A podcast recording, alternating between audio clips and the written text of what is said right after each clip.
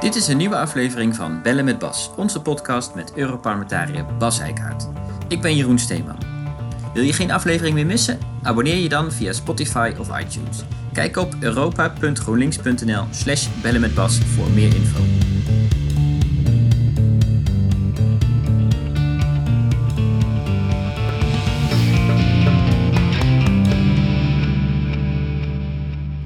Um, hey Bas, goed je weer uh, even te spreken. We gaan Goedemorgen, het, uh, goedemorgen. Goedemorgen. We gaan het uiteraard hebben over de coronacrisis waar we nu middenin uh, zitten. Um, ja, en daarbij gaan we vooral is, praten. Op ja, zich is wel handig. Ja, nee, nu bellen met Bas, dat deden we eigenlijk al. Eigenlijk waren wij altijd al gewoon de tijd ver vooruit. Nu, nu moet iedereen uh, videoconferentie. Maar ja, precies. Wij, wij, deden, al wij, deden het al. So wij deden al aan social distance, distancing voordat het nodig was. Ja. Maar ik mis je wel, Jeroen. Ja, precies. Ik was, het is fijn om af en toe ook gewoon even langs te kunnen lopen bij je kantoor en een kopje koffie te drinken. En dat, op zich mis ik dat wel met, uh, met collega's inderdaad. Um, maar goed, we moeten het vooral even hebben over Europese solidariteit. Dat is een beetje het thema uh, voor nu. Um, mm -hmm. In tijden van nood leer je je vrienden kennen, zo gaat het, uh, zo gaat het spreekwoord. Um, en daar gaan we straks wat dieper op in. Met name dan natuurlijk over volksgezondheid, maar vooral ook op economisch vlak. Uh, mm -hmm. Want het ziet er nou uit dat we afstreven op een economische crisis die groter is dan die van de afgelopen uh, eurocrisis, de afgelopen financiële crisis van 2008, 2009. Um, maar eerst even praktisch, zal ik te denken. Het Europese parlement is bijna dicht. Alle medewerkers werken vanaf thuis. En toch hadden jullie gisteren een plenaire vergadering en een stemming. Hoe zat dat ja. precies? Nou ja, kijk, het, uh, officieel is het Europees Parlement dus ook niet dicht. Uh, we, we, we, moeten, uiteindelijk moet ook een parlement gewoon doorwerken, zoals je dat ook ziet in, uh, in de Tweede Kamer.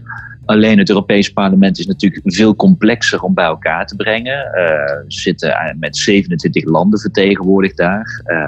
Heel veel kunnen niet eens komen omdat of hun landen in een lockdown zitten of omdat ze, uh, qua verbindingen is er gewoon bijna geen verbinding op dit moment. Denk aan Malta, Cyprus. Hoe kom, je nu naar, hoe kom je nu naar Brussel? Dus dat is veel moeilijker te organiseren. Dus uh, ja, moeten we als Europees parlement kijken van hoe kunnen we dan als Europees parlement op afstand ons werk doen. En dat was gisteren nog eens extra nodig omdat we een uh, stemming hadden waarin we een aantal noodmaatregelen moesten goedkeuren. Ja, het is natuurlijk wel heel erg moeilijk om als je probeert wat met noodmaatregelen extra geld vrij te zetten, dat je dan moet wachten omdat het Europees Parlement niet bij elkaar komt. Dus we moesten ook in één keer gaan stemmen op afstand. Ja, dat, dat, uh, nou ja, dat is in twee weken geregeld. Dat is niet slecht. En uh, het, het, het, was een beetje behelpen hier en daar. Maar uiteindelijk hebben bijna 700 Europarlementariërs, dus echt heel veel, hebben gewoon netjes vanaf thuis zitten stemmen. Dus uh, ja, dat laat zien dat ook in deze tijd het Europees Parlement nog zo goed en zo kwaad functioneert. Ja, precies. Want ik zag de mailtjes van ook de juridische diensten voorbij komen, die natuurlijk in de Rules of Procedures doken. En die zeiden van ja, als we op afstand willen stemmen, dan moeten we onze uh, Rules of Procedures aanpassen. Maar dat kan alleen maar met een stemming. Dus ja. daar is toch een manier voor gevonden om daar een beetje omheen te fietsen. Ja, kijk, het, het, is ook, er zijn ook wat klachten van hoe veilig is dat nou? En dat is natuurlijk ook, uh, dat is ook de vraag. Kijk, op afstand stemmen is bijna niet veilig te krijgen. Ik denk dat het nu met deze noodmaatregelen, die minder controversieel zijn, dat het zo kan. Maar ja, kijk, uh, bij veel complexere stemmingen en controversiëlere stemming, stemmingen, uh, ja, ga, gaan we echt nog wel tegen problemen lopen. Dus, dus we kunnen dit niet altijd zo doen. Maar voor deze snelle maatregelen denk ik dat iedereen hier en daar even wat, wat minder strikt aan de, aan de regels, de rules of procedure heeft gehouden. Ja, precies. Nou goed, we komen straks nog even terug op hoe het Europees Parlement nou de komende maanden kan gaan, gaan functioneren. Ik bedoel, we weten nog niet wanneer de, de, de, de echte lockdowns afgelopen zijn of wanneer er echt weer fysieke bijeenkomsten uh, plaats kunnen vinden. Daar gaan we straks ja. nog even over, uh, over hebben. Eerst even terug naar die, naar die Europese solidariteit. Waarom is dat zo uh, cruciaal? Ja, waarom dat cruciaal is, omdat wij nou, ten eerste zit de hele wereld in eenzelfde crisis. Dus het is niet eens Europese solidariteit, maar we hebben allemaal nu hetzelfde probleem. Um, maar goed, als Europa uh, zijn we natuurlijk helemaal verweven met elkaar. Uh, denk alleen maar aan uh, de interne markt. Als landen ieder voor zich allerlei grenzen gaan sluiten, ja, dan kan de bevoorrading van onze winkels wel degelijk in, in problemen komen. Hè. We zeggen allemaal heel terecht, er is helemaal geen reden om te gaan hamsteren. Maar ja, de, de hele bevoorrading op lange termijn is natuurlijk wel afhankelijk van een goed functionerende interne markt. Ja, als landen ad hoc her en der grenzen gaan sluiten, hebben we een probleem. Dus we zijn met elkaar verweven, fysiek, qua interne markt. Ehm, financieel gaan we het straks nog over hebben. Economisch zijn we natuurlijk gigantisch verweven met elkaar. Uh, Nederland is afhankelijk van, van de Europese economie tot, uh, tot in groot, grote mate. Uh, plus, ja, ook onze gezondheidszorg, ja, dat is misschien nationaal georganiseerd. Maar het, de beschikbaarheid van het aantal bedden op intensive care verschilt per land. Dus ook hier kun je van elkaar profiteren als je wil. Dus ja, solidariteit is, is iets wat je in deze tijden van crisis eigenlijk gewoon moet doen. Maar zowel gezondheidskundig als financieel als uh, fysiek markt zijn we als Europeanen helemaal uh, aan elkaar uh, ja, overgeleverd. Dus ja, dit is toch wel het moment om die solidariteit te laten zien. Ja, precies. En, in die zin is het eigenlijk ook wel gênant misschien om te zien dat vooral China en Rusland nu goede sier maken in Italië en Spanje door hulp te leveren. Of door tenminste te zeggen dat ze hulp leveren. Ik heb alweer verhalen gehoord dat wat er nou echt daadwerkelijk komt, uh, dan weer minder is. Um, ja, je moet uitkijken. Je moet eh, kijken, dit is echt uh, wat er nu weer gebeurt. En, en nou ja, het, is niet geheel toevallig dat een land als Rusland hier weer op inspeelt. Het staat natuurlijk al langer bekend dat Rusland er geen baat bij heeft als er een sterke EU is. Dus dat Rusland ook deze crisis aangrijpt om, om nou ja, toch weer wat gaten te schieten in de Europese eenheid. Dat, dat verbaast niet. Dus pas een beetje op voor die spin. Uh, ja, met grootsgebaren eh, gaan de Russen nu uh, met, met spullen naar Italië. Maar de Italianen hebben al gezegd van, nou ja, eigenlijk 80% van waar ze mee komen, dat is nou net niet waar we een tekort aan hebben. Dat is niet wat we nodig hebben. Uh, China heeft natuurlijk een voorsprong uh, qua voorbereiding op, uh, op, op het coronavirus. Dus qua testen heeft hij nu heel veel gestuurd. Maar in Spanje zijn ze goed naar die testen gaan kijken en kwamen tot de conclusie dat de gevoeligheid van die testen veel te laag is. Maar 30 procent, terwijl dat dus echt uh, veel hoger moet zijn, wil je, een, wil je een geloofwaardige test kunnen hebben. Dit zou overigens dus kunnen verklaren de relatief lage aantallen waar China nu mee rapporteert. Um, dus, dus, als je ja. test minder vals, ja, als je test minder positief test, dan heb je minder gevallen. Dat is... uh, ja, dat, dat, dat zou zomaar eens kunnen. Dat weten we allemaal nog niet. Het is allemaal nog heel vroeg voor. Maar in ieder geval in Spanje hebben ze natuurlijk die test gekregen uit China. En die zijn ze gewoon op de gevoeligheid gaan uh, controleren. En ja, in ieder geval die testen die ze hebben gekregen, die zijn niet zo heel gevoelig. Dus ja, dan heb je dus niet hele betrouwbare testen. Ja, dit, dit laat zien dat, dat die landen Natuurlijk, kijk, China, China heeft er baat bij om toch ook te laten zien. Kijk, die, hè, in Amerika wordt het al de. Hè, hebben we een president die probeert het continu het uh, China-virus te noemen. Uh, ja, China wil natuurlijk ook wel laten zien dat ze niet alleen een exporteur van, van een virus zijn. Dus dat is een beetje damage control vanuit China. En dat Rusland deze crisis aangrijpt om, uh, om weer wat EU-problemen aan te wakkeren, dat, dat is uh, ook wel weer gaande. Maar het is natuurlijk pijnlijk, want ze hebben een kern van waarheid. Dat, dat in eerste instantie de reacties Europees waren totaal nationaal georiënteerd. Ik denk echt dat het nu veel meer nuance nodig is. Dat, dat Europa echt wel aan bijtrek is. Komen we ook nog wel even op zo. Maar de eerste reacties waren nationaal. En uh, dat zorgt er bijvoorbeeld voor dat in Italië nu de populariteit van China groter is dan de populariteit van Europa. En dat is gewoon gevaarlijk. Ik bedoel, um, ik, ik heb het gevoel dat de Nederlandse regering dit niet doorheeft. Dat, dat als dit uit de hand loopt, speel je gewoon wel degelijk met, met de toekomst van de EU. En uh, daar, moet je gigantisch voorzichtig mee zijn. En uh, nou ja, Nederland, in het Nederlandse debat is het nogal snel, dat, dat, dat, is niet onze zorg. Maar dat kan uiteindelijk nog wel degelijk onze grote zorg worden. Dus daar heeft niemand baat bij. Dus het zijn wel gewoon spannende tijden. En Europa heeft absoluut een valse start gemaakt op, op, op gezondheidszorggebied nu.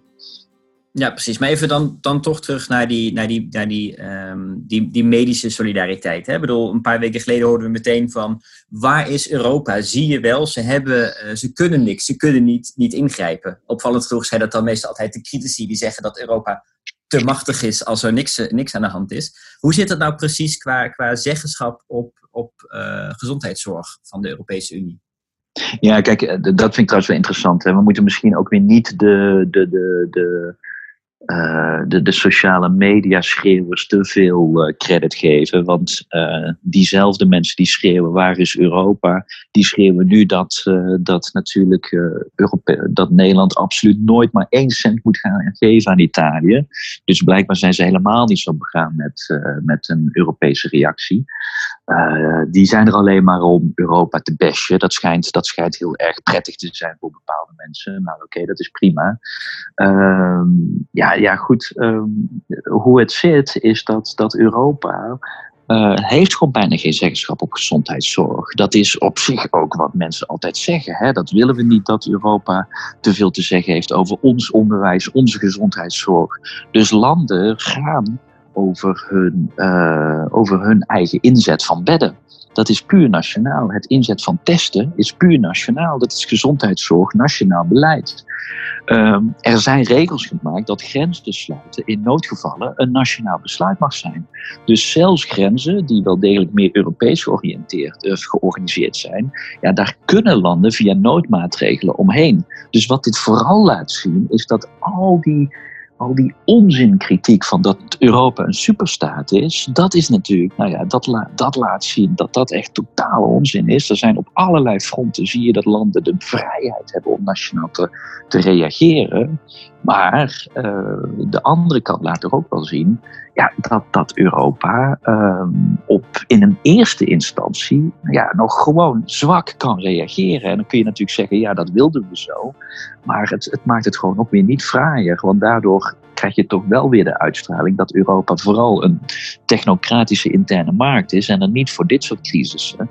Ja, die criticasters hebben op zich gelijk, maar dan moeten ze wel gaan nadenken. Ja, wil je dat anders hebben, dan zul je dus meer Europese maatregelen mogelijk moeten kunnen maken. Ja, ja het is het een of het ander. Of Europa is een superstaat, of Europa is, doet te weinig. Maar het kan niet allebei. Nou, er zijn wel wat lichtpuntjes natuurlijk. Hè. We zien inmiddels dat er, dat er landen zijn die uh, patiënten van elkaar overnemen uit volle ziekenhuizen. Hè. Vooral uh, vanuit Frankrijk en Italië uh, gaan, gaan er patiënten naar Duitsland, dat iets minder getroffen lijkt. Ja, plus heeft ook iets meer bedden beschikbaar per inwoner. Dus je kan ook zeggen dat landen die, uh, die, die zeg maar uh, een bezuinigingsbeleid hebben gehad op het aantal bedden die, uh, die hebben nu extra nood aan. ja, geloof ik dat Lombardije, volgens mij wordt altijd gezegd, die hebben het beste zorgsysteem, zeker van Italië en, en, en ook in Europa scoren die wel weer hoog. Hè? Dus... Ja, klopt. Uh, Italië scoort, zeker Noord-Italië scoort echt helemaal niet zo slecht. Alleen deze crisis, deze mate van, van slachtoffers, ja, daar kan geen gezondheidssysteem tegen opboksen. Je kan ook niet verwachten dat een gezondheidssysteem zoveel bedden heeft dat het uh, 90, 99% van de tijd uh, leeg is. Om dan voor dit soort crisis het allemaal paraat te hebben. Dat kun je bijna niet verwachten. Maar goed, dan kom je dus op dat punt. Dan zou het mooi zijn als we wat meer solidariteit zien. Omdat die crisis nou ja, in verschillende stadia in verschillende landen is. Laten we elkaar daarbij helpen. En uh, het is goed om te zien dat, dat na een eerste nationale reactie, nu landen als Duitsland wel degelijk bedden aanbieden aan, uh, aan Italië en Frankrijk. Uh, dat er mondkapjes nu geëxporteerd worden. Dus, dus er is nu al veel meer gezamenlijke reactie. En Europa is langzaam aan het opkrabbelen. Dus dat, dat, dat is zeker positief. helemaal omdat bijvoorbeeld Nederland heeft gemiddeld echt niet zo heel veel bedden per inwoner. Dus we zien nu al dat het spannend wordt. Hè. Dat was het debat in de Tweede Kamer terecht een, een groot item. Dus hebben we genoeg bedden op intensive care? Nou, de minister was heel duidelijk, dat gaat heel spannend worden. Uh, goed, nu is de belofte gedaan dat er genoeg zal zijn volgende week. Maar het is helemaal niet zo heel erg dat we ook weten dat op dit moment Nederland aan het is met Duitsland of Duitsland niet kan helpen. Dus hier zie je dat Nederland ook baat heeft bij Europese solidariteit, puur voor dat eigen belang. Nou, in die zin uh, hoop ik dat het debat ook in, in Nederland weer wat kantelt en inziet dat Europese solidariteit een, uh, een tweerichtingsverkeer is. Ja, precies. Want dan gaan we even door naar, naar de financiële solidariteit. Waarbij we inderdaad al wat verder kijken naar de, de economische gevolgen van deze, van deze crisis. Um, dat is natuurlijk economie, mede dankzij de euro, is natuurlijk nadrukkelijk een Europese competentie. Um, maar goed, daar zien we toch dat dat uh, moeizaam loopt. Nogal moeizaam. Kijk, um, kijk Europa doet uh, hier de Europese Unie, de Europese Commissie, oftewel Brussel, die doet wat het kan. Dus die heeft in ieder geval nu heel duidelijk gezegd dat voorlopig uh, de, de, de regels van het Stabiliteits- en Groeipact opzij gezet worden. Dat betekent dat, dat landen schulden kunnen maken als ze willen. Dus, dus er, zit geen, er zit geen zelf opgelegde grens meer uh, qua, qua uitgaven.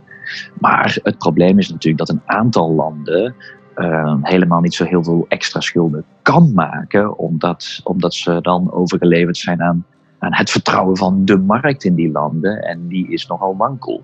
Dus uh, ja, Europa kan de regels even opzij zetten en dan mogen landen meer.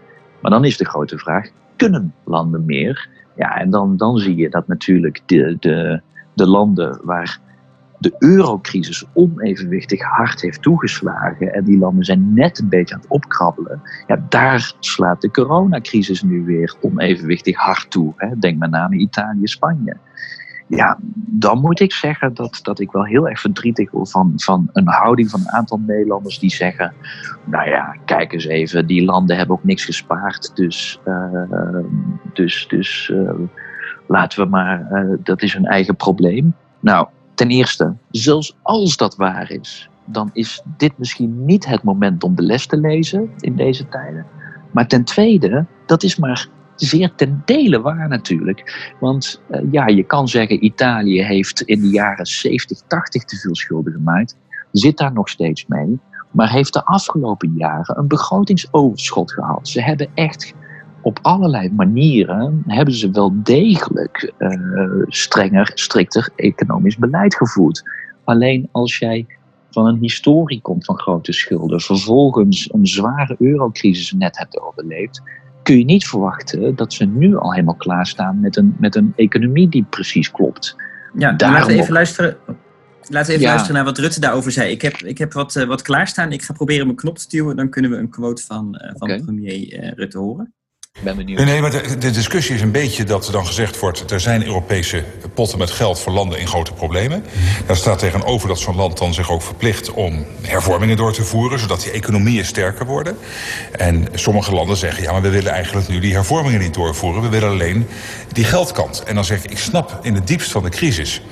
Uh, dat natuurlijk dat ook het eerste belang is. Maar het is echt ook van belang om te blijven nadenken... hoe maak je je economie sterker zodat je voor de langere termijn ook vooral zelf uh, klappen kunt opvangen. Is solidariteit nu niet belangrijker? Maar dat is solidariteit. Solidariteit is niet geld geven. Solidariteit is geld geven.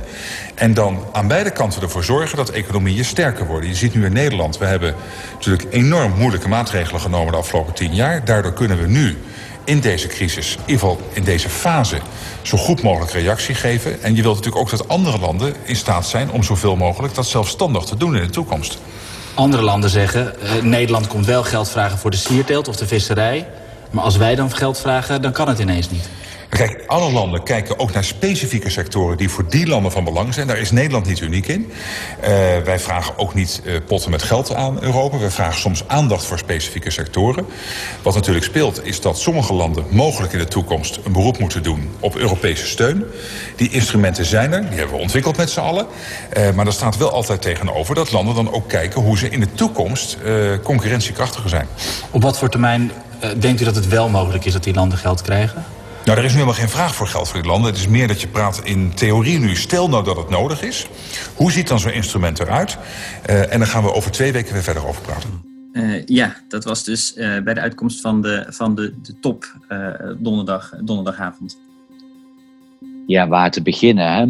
Uh, ten eerste uh, is ongeveer elke econoom het er nu al over eens dat de maatregelen die Nederland heeft genomen na de eurocrisis onzinnig zwaar en hard waren, wat de crisis alleen maar verdiept heeft. Dus uh, door nu te doen alsof wij stoere maatregelen hebben genomen, uh, nou ja, dat is dan, uh, dan heb je een begroting op orde, maar wel ten koste van wat.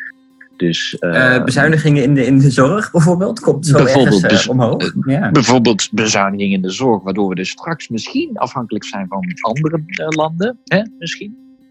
Dus nou ja, dat, dat, daar kun je al een hele hoop vraagtekens bij zetten. Ten tweede, dat beeld oproepen alsof Nederland heel braaf hier zich heeft voorbereid en dat de andere landen een beetje uit hun neus hebben zitten peuteren.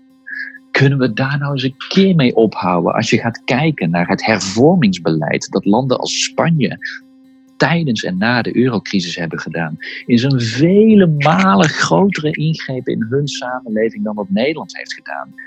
Dat, dat, bedoel, dat beeld klopt niet. Alleen die crisis heeft daar veel harder in geslagen, omdat wij toen het niet voor elkaar kregen om tot een Europese oplossing te komen. Waardoor uh, de crisis keihard erin gehakt heeft in landen als Spanje, Italië of denk nog eens Griekenland. Uh, dus, dus en dan het derde punt is van, ja goed, er, het is nu een theoretische discussie. We weten niet of ze geld nodig gaan hebben. Sorry, nog een week geleden zegt Rutte: whatever it takes, we gaan dit doen. En we maken dus allerlei maatregelen die onze schuld ook uh, zal doen laten stijgen. Uh, uh, dus, dus, dus daar is allerlei ruimte voor. We weten dat dat ook bij Spanje en Italië nodig zal zijn. En we weten dat die dus minder ruimte hebben, omdat, het, omdat ze nog gewoon dichter tegen die vorige eurocrisis aanzitten. Nou ja, laten we dan nu gaan nadenken en ook over een signaal geven dat we dit gezamenlijk doen. Want dat is nog steeds het grootste probleem. Als wij nu als Nederland een signaal blijven geven, dit moet je zelf maar doen en dan moet je maar zelf zorgen dat je weer een gezonde economie krijgt. op dit moment ligt hun economie plat en het praten over een gezonde economie voor de toekomst, dat is pas theoretisch. We moeten eerst gewoon weer een economie hebben die een beetje lucht krijgt. Er is gewoon direct geld nodig voor de, voor de middenstand, bijvoorbeeld. Nou ja, als Italië en Spanje dat niet krijgen, die ruimte, dan wat er gaat gebeuren is dat dan heel veel nou de financiële markten geen vertrouwen erin zullen krijgen dat Italië en Spanje dat voor elkaar krijgen. En je zal weer zien dat het geld wegloopt uit het zuiden en de crisis wordt alleen maar verergerd. Het wordt weer een eurocrisis en we gaan het hele probleem wat we in 2008 hebben opnieuw krijgen. Alleen nu in de situatie dat economisch het veel wankelender is. En nog belangrijker, puur politiek, de steun voor Europa op een zeer kritiek moment zit, ook in landen als Spanje en Italië. En dus Rutte, die volop profiteert van die interne markt als Nederland, dat met een zeer uh, gevaarlijk spel uh, ja, in gevaar zet. Dus dit is, ja, ik vind het zo onverstandig wat Nederland doet. Het is, uh, het is echt gevaarlijk. Ja, precies. Want um, de, de, het, spitst zich soms een beetje toe de discussie over eurobonds of coronabonds. Misschien moeten we daar nog heel even op, op ingaan. Wat, wat zijn dat precies? Nou ja, kijk, dat zijn eigenlijk uh, zijn manieren om, om de staatsschuld, elk land heeft een staatsschuld, eigenlijk meer gezamenlijk te wat je nu ziet is dat uh, je hebt een staatsschuld en, en, en die moet je dus financieren op de markt. Maar als, als de financiële markt geen vertrouwen in jou heeft, moet je daar dus heel veel rente op betalen. Want uh, dat is hetzelfde als dat jij aan je buurman die je wel vertrouwt, waarschijnlijk een lagere rente geeft aan als je een lening geeft dan de andere buurman die je niet vertrouwt. Nou ja, die landen worden dus nu uit elkaar gespeeld binnen de euro. En dat kan ervoor zorgen dat het kapitaal wegtrekt uit die landen die het juist het meest nodig hebben. Uh, als je nu gezegd, laten we dat gezamenlijk financieren, laten we die schulden meer gezamenlijk maken. Uh, dan betekent dat gewoon dat je, dat je uh, eigenlijk de kans om, om landen uit elkaar te spelen op de financiële markt nogal verkleint. Dat is dus helemaal niet wat nu ook soms het idee is dat er ineens een pot geld zomaar gegeven wordt. Dat betekent eigenlijk het, de staatsschulden meer gezamenlijk laten financieren. Dat heeft ook nog als, als voordeel dat je er ook nog meer gezamenlijke zeggenschap over hebt. Want wat we nu gaan zien is wederom hetzelfde als, als tien jaar geleden is dat we nu heel blij zijn stiekem dat de Europese Centrale Bank dus eigenlijk alles, uh, alle regels opzij zet om maar uh, alles op te kopen. Maar de ECB kan dat niet sturen, is nogal met botte maatregelen en is politiek niet gecontroleerd. Dus we laten weer de ECB het oplossen, zodat we politiek heel stoer kunnen roepen dat wij geen geld geven. Ja, het, het, is, het is aan alle kanten, het is hypocriet, want wij vragen wel degelijk potten geld voor onze seateelt. Uh, het, is, het is inconsequent, het is kortzichtig, want die interne markt, daar profiteren wij gigantisch veel van.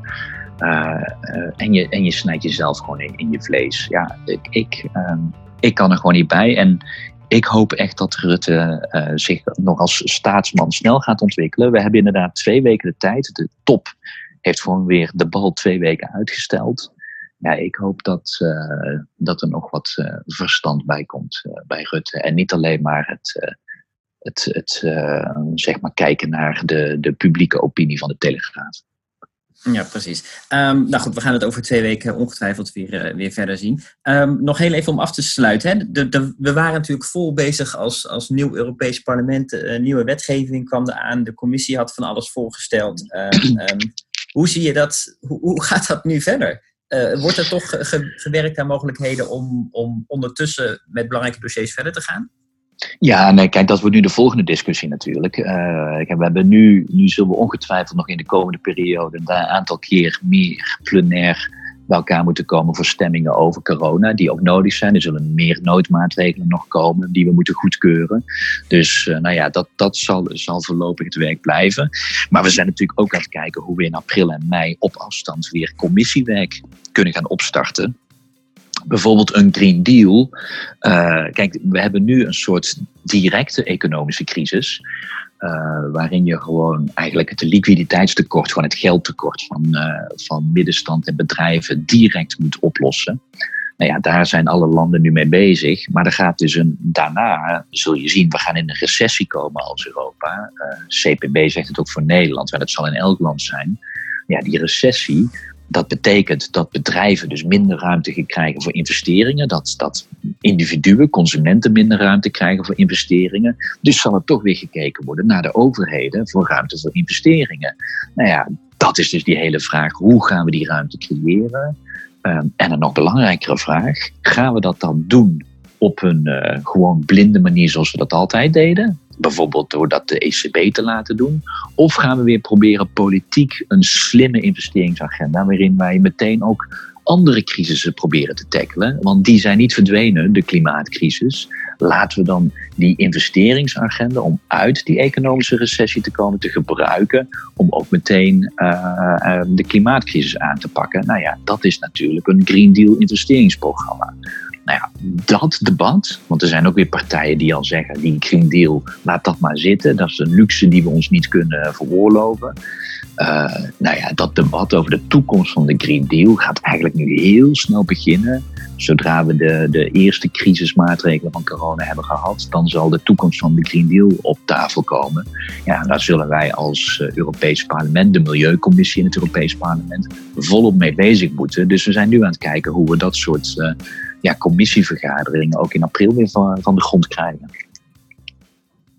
Ja, uh, precies. Dus um, jullie gaan door met, uh, met wetgeving, um, maar dus op, uh, op afstand. En dan is het maar even zien wanneer de, de echte crisismaatregelen hopelijk, nou ja, over weken, over een maand, over langer, weer enigszins verlicht kunnen worden. Zodat we elkaar ook weer eens fysiek voor een kopje koffie kunnen treffen, volgens mij. Ja, ik denk dat het in april nog niet gaat gebeuren, maar hopelijk uh, gaan we langzaam en zeker mei, juni wel weer uh, terug uh, in iets normalere settings komen. Ja, het zou mooi zijn. Ja, precies. Nou, tot die tijd blijven wij gewoon af en toe bellen wanneer er, wanneer er nieuws is. Um, we gaan vooral inderdaad die EU-leiders volgen de komende weken. Kijken of ze er toch uitkomen op, op een Europese manier. Vooral te voorkomen dat, dat de economie in een in een mega-recessie recessie zakt. Um, ja, we, we, gaan, we gaan elkaar weer, weer treffen wanneer we, nieuws hebben, volgens mij. Dat lijkt mij heel goed. Uh, ja, bellen met Bas. Het kan ook gewoon op afstand, dus uh, dat kan gewoon doorgaan. Dat blijven we doen. Oké, okay. nou dankjewel Bas voor je, voor je info en tot, tot later. Nee, is goed Jeroen. Tot later. doeg. Hoi.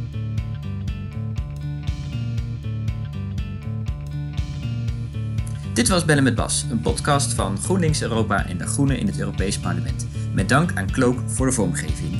Als je wil abonneren, kijk dan op europa.groenlinks.nl slash bellenmetbas.